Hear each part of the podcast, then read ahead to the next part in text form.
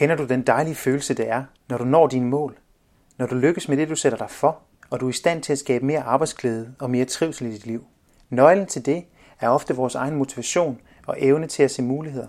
Hvad nu hvis du kunne få råd fra en verdensmester? De næste 20 minutter vil du få konkrete råd og redskaber, der kan hjælpe dig med at blive bedre til at motivere dig selv og motivere andre. Og lære om, hvilke vigtige skridt du kan tage for at skabe mere arbejdsglæde og mere trivsel i dit liv.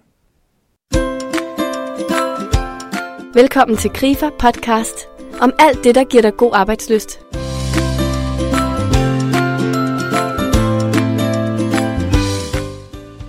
Arne Nielsen er flere gange kåret som årets inspirator, senest i 2011, og en utrolig populær foredragsholder. Han har en stor karriere bag sig som kaneroer, og nåede at blive 10 verdensmester og vinde OL-sølv. Han ved, hvordan man når sine mål, hvordan man skaber resultater og trivsel. Han har gjort en stor forskel for mange, og jeg glæder mig utrolig meget til at tale med ham. Mit navn er Thomas Munk Osmundsen. Tak fordi du være med, Arne. Selv tak. Og snakke med mig i dag. Ja, selv tak. Du er en mand, som har stor erfaring, og som om nogen kender til udfordringerne i forhold til motivation, har arbejdet med det. Ja. Men først skulle jeg godt tænke mig at høre lidt fra dig selv. Hvad hedder du? Og ja, det har vi afsløret, men hvad arbejder du mest med i dag? Ja. Altså, Arne Nielsen, gammel kanroer, for dem, der kan huske det. Øh, men det, jeg arbejder mest med i dag, det er primært sådan tre ting. Det første, det jeg laver mest af, det er foredrag. Jeg laver cirka 180-200 foredrag om året i forskellige øh, virksomheder, primært om arbejdsglæde, værdier, samarbejde, konflikthåndtering. Altså, hvordan mm. bliver man bedre sammen på en arbejdsplads? Det er sådan min primært øh, arbejdsdel. Så har jeg coaching, hvor jeg coacher både erhvervsledere, idrætsydere, øh, medarbejdere ja. i forskellige øh, genrer. Altså det, det sidste, jeg faktisk er begyndt på, det er par, der er gået sådan, hvor der er lidt mælkesyre. Ja. Øh, på, hvordan kommer de tilbage til sporet og finder passionen, glæden, eller bliver enige om, at den er forsvundet. Hvordan får vi så sagt farvel til hinanden på en ordentlig måde? Mm. Så det er sådan, og det sidste jeg så laver, det er nogle længere forløb i virksomheder, hvor man skal implementere værdier eller en strategi, øh, hvor man skal have en ligesom tovholder på til at hjælpe en med at få det implementeret bedst muligt og få alle helt igennem. Okay. I forhold til motivation, også i forhold til de bøger, du har skrevet, og de foredrag, du holder. Mm. Mange oplever, det svært hele tiden at skulle motivere sig selv og kæmper med at nå deres mål. Mm. Hvad tænker du omkring det her emne motivation? Mm. Altså det, er jo, det er jo et vildt spændende emne, du, du bringer op, fordi du kan sige, at motivation i sig selv handler jo om at, at have en drivkraft til at komme et sted hen. Man kan desværre ikke bare komme med et entydigt svar, der siger, at det her det er det, der fastholder en motivation. Man kan sige, for, for lytteren lige nu, kan man sige, der er fire områder, der kunne være interessant måske at få noget input til motivation på. Det ene, det er, hvordan bevarer jeg motivationen i mit parforhold? Øh, det andet er, hvordan jeg bevarer motivationen i forhold til mit job, altså bevare jobglæden. Mm. Og øh, det tredje er, hvis jeg kunne tænke mig at være i det der fysisk god form, hvordan bevarer jeg så motivationen i forhold til det at få holdt kroppen i fornuftig form. Og øh, den fjerde ting vil være dem, der er ledige. Hvordan holder de motivationen i jobjagten, altså i at komme ud på et jobmarked igen? Øh, fordi alle kender, at motivation kan falde. Mm. Men det vil være forskel på så strategien, alt efter hvilke af de fire områder, vi taler om. Ja, okay. I forhold til så øh, arbejdsglæde, jobglæde, mm. Mm. Øh, hvad ser du der som den store udfordring? Og har du nogle gode, nogle gode råd og nogle gode redskaber, man kan bruge? Ja, så man kan sige, der er sådan en, den første tese, som er interessant, det, den hedder, det du ser efter, får du øje på. Og det betyder, at rigtig mange mennesker på en arbejdsplads går rundt og ser efter alt det, der ikke fungerer. Og det er de så ret service til at gå rundt og dele med alle de andre. Så det bliver sådan en ubevidst find fem fejl kultur, hvor man holder øje med alt det, der irriterer. Og, og paradokset, som jeg nogle gange bruger i en foredragssammenhæng, det er, at, at jeg spørger ofte i, i blandt øh, medarbejderne på en virksomhed, hvem er sidst ankommen? Og der er en, der er ofte sidder en, der er den sidst ankommende, totalt glad, ofte to-tre måneder gammel. Og jeg siger, er du glad for dit job? Og de fleste er jo totalt glade. Blev du glad, da du blev ringet op og fik at vide, at jobbet er dit, og de er jo totalt op at køre? Så jeg kender så det der, der går et stykke tid, hvor man kommer helt vildt glad på job og fortæller, hvor fantastisk det er til ens nye kollegaer. Og så møder man den her kollega, der siger, ja, sådan som du har det nu, det havde jeg også engang. Men det ikke forsvinder med tid. Altså så laver vi lidt det der, vi kalder den dårlige aflevering. Så noget af det, jeg arbejder meget med på øh, i en jobrelateret sammenhæng, det er, spiller vi hinanden gode på jobbet? Sætter vi de gode tankefrø, altså planter vi gode tankefrø hos hinanden? Hjælper vi hinanden til at se efter det, vi kan lykkes med, det der faktisk er godt? Eller er det blevet en ren ubevidst eller bevidst for nogle gange, altså i nogle tilfælde, find fem fejl kultur, hvor det eneste, vi kan holde øje med, det er alt det, der ikke virker.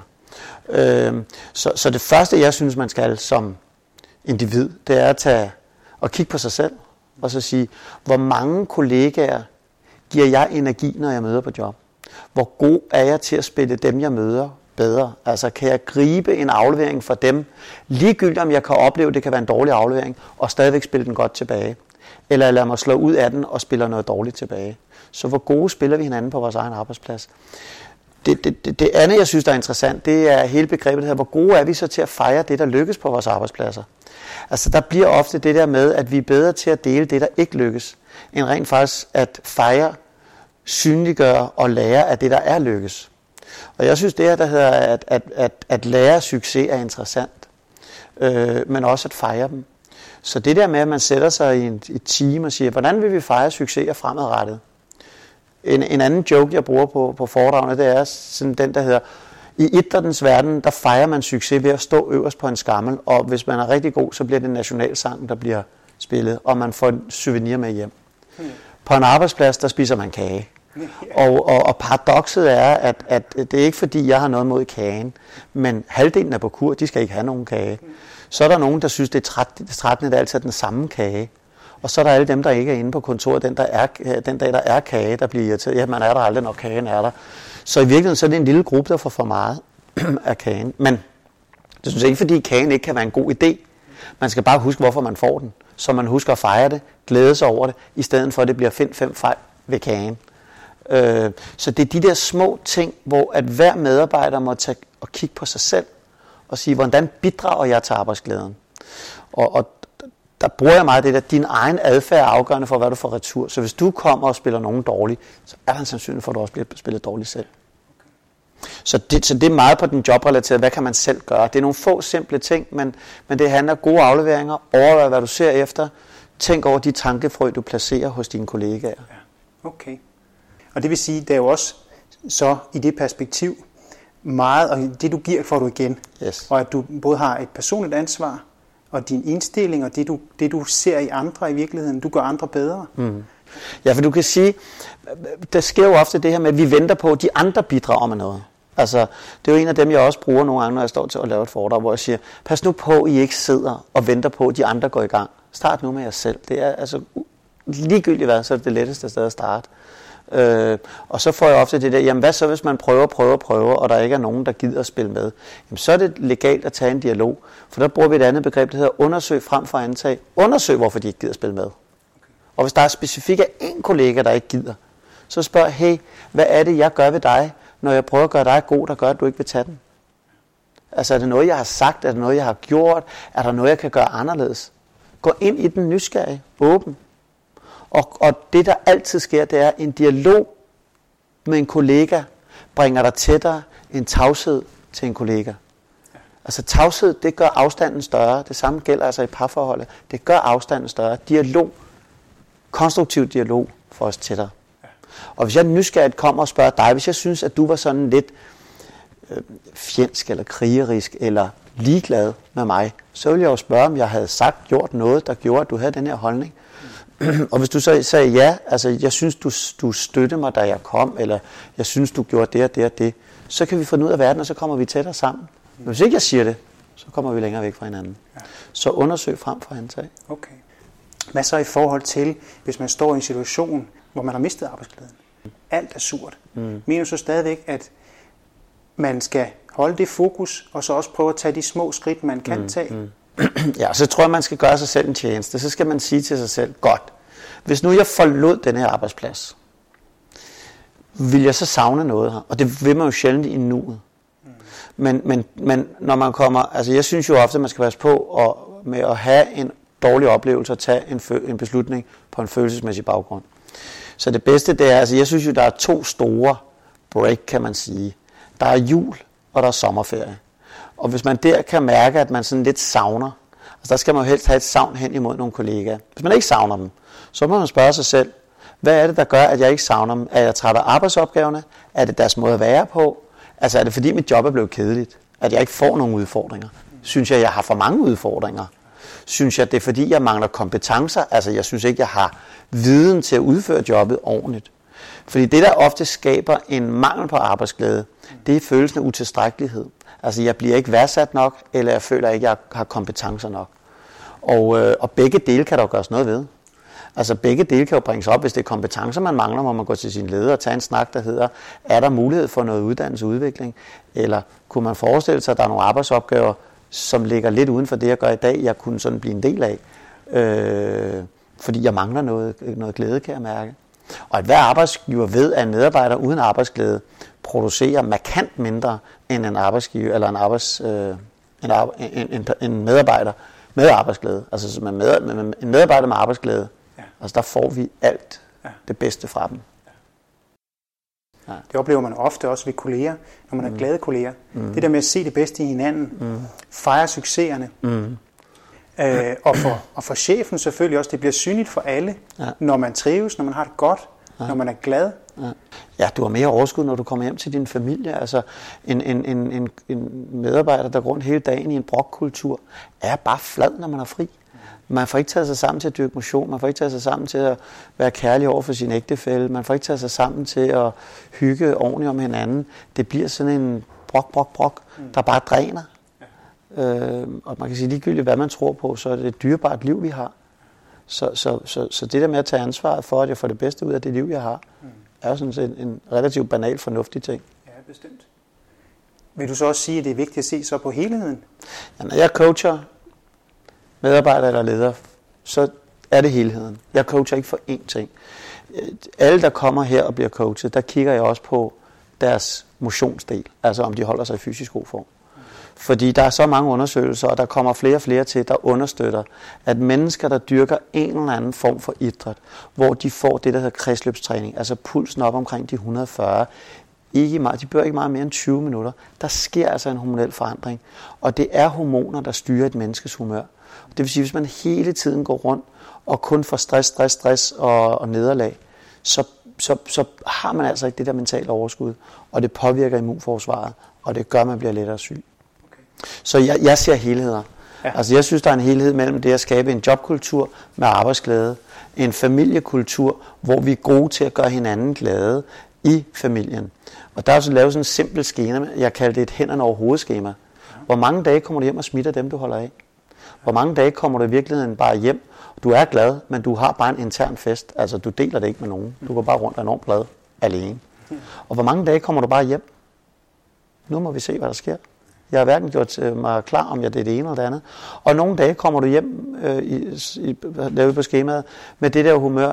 Jeg er irriteret, men jeg holder det for mig selv, indtil et af de øvrige familiemedlemmer siger et eller andet, der kan irritere mig. Så kommer det.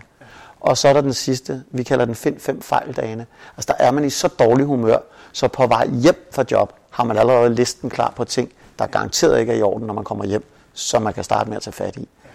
Og, og, og om det er en af de her fem typer dage, kom hjem og være glad, og det smitter, eller bare komme hjem og holde glæden for sig selv, eller komme hjem uden at gøre sig klar til noget, eller komme hjem i dårlig humør og holde det, eller komme hjem i dårlig humør og starte med at smitte på den dårlige måde.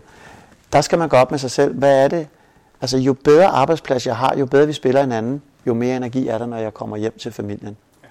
Og hvis jeg har haft en dårlig dag på job, hvad gør jeg så for at bevare øh, eller skabe overskuddet til familien? Og der vil jeg sige, for mig der har det været det der, at hvis jeg går ud og cykler, løber, eller i mit tilfælde ror en tur, så kan jeg rent faktisk få energi og overskud af det. Og det er det, der fastholder min motivation. Altså motivationen grundlæggende kan man sige, om det er jobrelateret, familierelateret, motionsrelateret eller i en ledighedsperiode, det er, at det mål, jeg har, kan jeg se, jeg har en chance for at nå. Altså sagt med andre ord, værdien af afgør motivationen for. Det vil sige, hvis jeg kan se værdien af at komme og bidrage til, at der er arbejdsglæde på min arbejdsplads, så er jeg også mere motiveret for at gøre det. Men hvis jeg ikke kan se værdi af det, fordi de tager den ikke alligevel. Altså, hente den sure er stadigvæk sur, ligegyldigt hvor glad jeg kommer at være, så mister man motivationen. Så motivationen får man, når man kan se værdien af noget, og kan, har en tro på, at det kan lykkes. Men det er ofte, når vi ikke har en tro på det, og ikke kan se værdi af det, at vi mister motivationen. Det bliver uoverskueligt at komme i bedre fysisk form, for jeg er i så dårlig form nu, så jeg kan ikke engang gå, jeg kan ikke engang cykle. Altså jeg holder øje med alt det, jeg ikke kan, og jeg samler negative beviser. Så bliver det håbløshed, der skaber demotivation. Og der, må man, der ligger man ofte en strategi, der gør det lidt overkommeligt at komme i gang, og så måler man på fremgang. Okay. For at bevare motivationen. Okay, så det er simpelthen at stoppe op mm. med sig selv, simpelthen tage en pause mm. og, og, og blive opmærksom på alt det der. Mm. Så simpelthen nogle små skridt. Små skridt. Okay. Fordi det, de fleste de kommer til at lave den fare, der hedder, at så skal det godt nok være nu.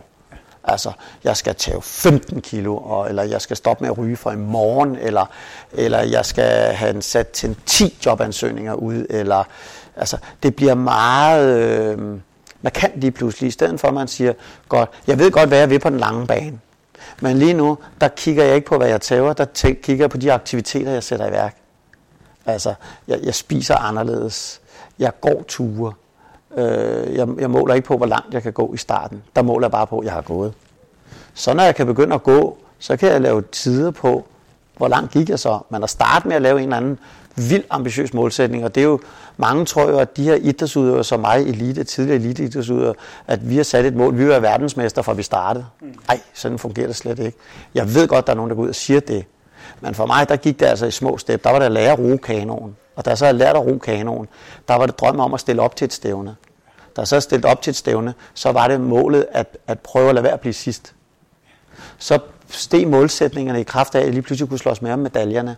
Og en dag blev drømmen at få lov at stå øverst på skamlen. Og så blev det at komme til et DM, og så blev det at komme til et nordisk mesterskab, og så blev det at komme til et EM, og så blev det at komme til et VM, og så blev der at vinde et VM, og komme til et OL og få en medalje til et OL.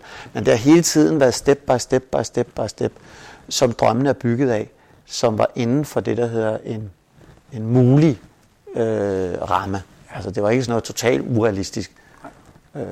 Okay. Men det er jo så også en god pointe, synes jeg, i forhold til noget, man kan tage og bruge i hverdagen. Mm. Måske også hjælpe hinanden på en arbejdsplads. Ja. Øhm, i, et, I et fællesskab mellem kolleger.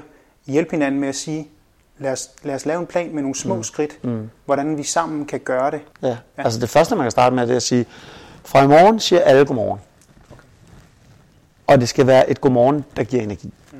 Og det er ikke bare sådan et pligt godmorgen. Det er et godmorgen, altså et glad godmorgen så når man er begyndt at øve det, og alle får gjort det, så starter man måske med at sige, så skal alle, de skal øve sig i at sige tak for i dag, når vi går hjem. Glæder mig til i morgen. Næste step er, kan være, at hvis jeg har halv time i overskud, fordi jeg blev lidt færdig, eller der er lige lidt til tid i min kalender, så spørger jeg, er der nogen, der har brug for hjælp? Eller nogen, der har brug for en kop kaffe? Så er jeg klar. Altså sådan så, at man begynder at lave det, der hedder servicerelateret adfærd, altså man begynder rent faktisk at komme med denne her. I stedet for, at man starter med at sige, at vi skal have 10 af de gode dage på en måned. Det er meget ambitiøst. Start med at kigge på adfærden. På et tidspunkt kan man begynde at se, at det giver værdi det her. Så kunne det da være sjovt at måle øh, og, og have et mål for, hvor, hvor, hvor mange af de her dage vil vi egentlig have. Nu kan vi se, at det vi gør begynder at virke. Så lad os dog prøve, er der så mere, vi skal gøre? Så evaluere på, det virker rigtig godt, når vi gør det her. Det virker knap så godt, når vi gør det her. Så man også får evalueret på indsatserne. Fordi alle mennesker kan godt lide at se fremskridt, fremgang. Mm. Så det, det er vigtigt, at man stopper op ind imellem. Og jeg synes, man skal stoppe op minimum en gang om ugen. Fordi ellers bliver det for langt. Altså, så det fiser ud i ingenting. Altså, det bliver bare... Man glemmer at få fuldt op. Så det er bare fast på et ugemøde, eller øh, fredagsmorgenmøde, eller hvad man nu har. Hey, hvordan er sidste uge gået? Eller hvordan er den uge, vi er i gang med gået? Det var rigtig godt. godt. Hvad, på baggrund af det, vi nu har snakket om, hvad gør vi så mere af i næste uge? Så, så har man en proces. Mm. Det svarer til en idrætsøger, der har et træningsprogram. Har man et program, et træningsprogram. Det er så det, vi træner lidt mere i næste uge. Fordi grundtesen er jo virkelig, det du træner i, bliver du bedre til. Jo mere du træner, bedre bliver du. Så hvis du træner i at spille andre dårlige, hvis du træner i at være morgensur, så bliver du i vildt god form. Det er bare ikke noget, der giver værdi for særlig mange andre mennesker. Nej. Eller for nogle mennesker. Nej. Det er ikke noget mål. Noget Ej, det er i hvert fald et underligt mål. Ja. Men der er nogen, der har det, ja. som bliver bedre. Og, og der, de skal nok vælge en eller anden. Altså, hvis man er kommet ind i den der rolle, hvor man er blevet bitter, og man, man, når man sidder og hører det her, tænker, ah, det er nemt at sige, så kunne det være en god idé at få lidt hjælp til at komme ud af den spiral, man har fundet, fundet sig i. Fordi så er man ikke i stand til selv at tage ansvar længere. Så er der nogen, der skal lige ryste i en og få en til at tage ansvaret. Men, men der er man kommet ind i for negativ en gænge, til man kommer ud af den. Der vil man sidde, når man lytter på sådan noget som det her, og være ligeglad eller ryste lidt på hovedet. Og, og, og det er ærgerligt. Øh, fordi så er man kommet i for meget negativ spiral. Sidst, for ligesom at opsummere lidt, mm. hvad vil være dine vigtigste tre pointer? Altså man kan sige, at det aller, aller første, det er, se værdien af at have motivationen, at gøre en forskel på din arbejdsplads. Hvis ikke du kan se værdi af det, så er det den første udfordring. Den skal du altså have på plads. Så du siger, værdien for mig ved at gøre andre gode, er, at jeg får energi af det. Altså for mig, der, jeg synes det, jeg får energi af at være tankstation eller inspirator for nogle mennesker. Så det er værdien for mig, det er at gå ud og lave et godt foredrag, for jeg får energi af det. Øh, der er masser, der siger, at de laver foredrag, fordi det giver økonomi, eller man går på job for pengenes skyld. Det er altså en biting for mig. Det er rart at få økonomien. Det gør, at jeg kan betale min husleje, jeg kan bo, hvor jeg gerne vil bo. Men for mig, der er det væsentligste, at jeg får energi af det. Jeg får ikke energi, at pengene kommer ind på min bankkonto. Jeg får energi af at gøre en forskel, når jeg står derude. Altså, jeg gør en forskel. Så det første, det er værdien af, den skal være på plads. Det andet, jeg synes, som skal være det gode råd, det vil være, spil nu dine omgivelser gode. Altså, de gode afleveringer gør dig selv bedre. Øhm, jeg synes, det er trist, at der er så mange, der ikke er bevidste om, hvor meget de betyder for andre mennesker. Øh, og derfor så er de slet ikke bevidste om at få spillet deres omgivelser gode. Men når man er i et miljø, hvor folk spiller hinanden gode, så bliver man flyvende. Altså det giver så meget energi at være i det her miljø, hvor alle i virkeligheden vil hinanden det bedste. Og det er ligegyldigt, om det er familie eller, eller jobrelationen. Øhm, det sidste, det er sådan en tese, jeg synes, jeg, som jeg synes er fantastisk, for den hedder, det du ser efter, får du øje på. Og, og, og lytteren derhjemme kan jo sidde nu, eller der hvor de sidder, kan jo sidde og tænke, hvordan kan man prøve den af? Hvis man nu leger tanken, at der hvor du sidder lige nu, kære lytter, prøv at kigge rundt i det lokale, og se efter, hvor mange blå ting der er. Så hvis du nu sidder også her og kigger rundt i, i min stue her, hvor mange blå ting findes der så egentlig? Og når vi kigger rundt, så findes der en del. Jeg tror, de fleste kan få øje på en del ting. Hvis vi tager beklædning, og hvis der er bøger, eller papirer, eller andre ting, så ser vi en række blå ting. Hvis jeg så bagefter stiller dig et spørgsmål, når nu du så efter de her blå ting, hvor mange der end var, hvor mange gule ting så du så? Og så vil du sige, dem så jeg sådan set ikke. For det var ikke dem, jeg så efter. Så hvis ikke du ser efter noget, får du ikke øje på det. Så hvis jeg går rundt på min arbejdsplads og ikke ser efter alt det, jeg holder af, så mister jeg glæden ved at være der. Så hvis jeg kun holder øje med alt det, der irriterer, bliver frustreret, irriteret og mister motivation. Omvendt, hvis jeg ser efter alt det, jeg er glad for, det kan være kollegaer, jobindhold, frihed, vi har, forskellige, det kan være frugtordning, eller hvad ved jeg, altså det der, der gør, hvor er det fantastisk, jeg er her, der er nogen, der tager sig af mig, der er nogen, der går op i mig, der er nogen, der interesserer sig for mig. Så hvis jeg begynder at holde øje med det i stedet for, så hvad er det, jeg ser efter, hvad er det, jeg samler på? Og det samme gælder i ægteskabet. Ser jeg efter det, jeg kan lide hos min ægtefælle, eller alt det, jeg blev træt af? Det, jeg ser efter, får jeg øje på. Så det skal være sådan de tre, kan du sige, gode råd. Se værdien af det, spil dine omgivelser gode, og overvej, hvad du ser efter. Okay. Flot. Tusind tak. Arne. Selv tak. Det synes jeg er en, en uh, rigtig god opfordring. Uh, noget, vi kan overveje alle sammen i vores hverdag uh, og tage med os. Tak. Så tak, håber jeg, at uh, lytterne også tænker på, at det, de træner i, bliver de bedre til. Så nu handler det om at gå ud og træne i de her ting. Ja.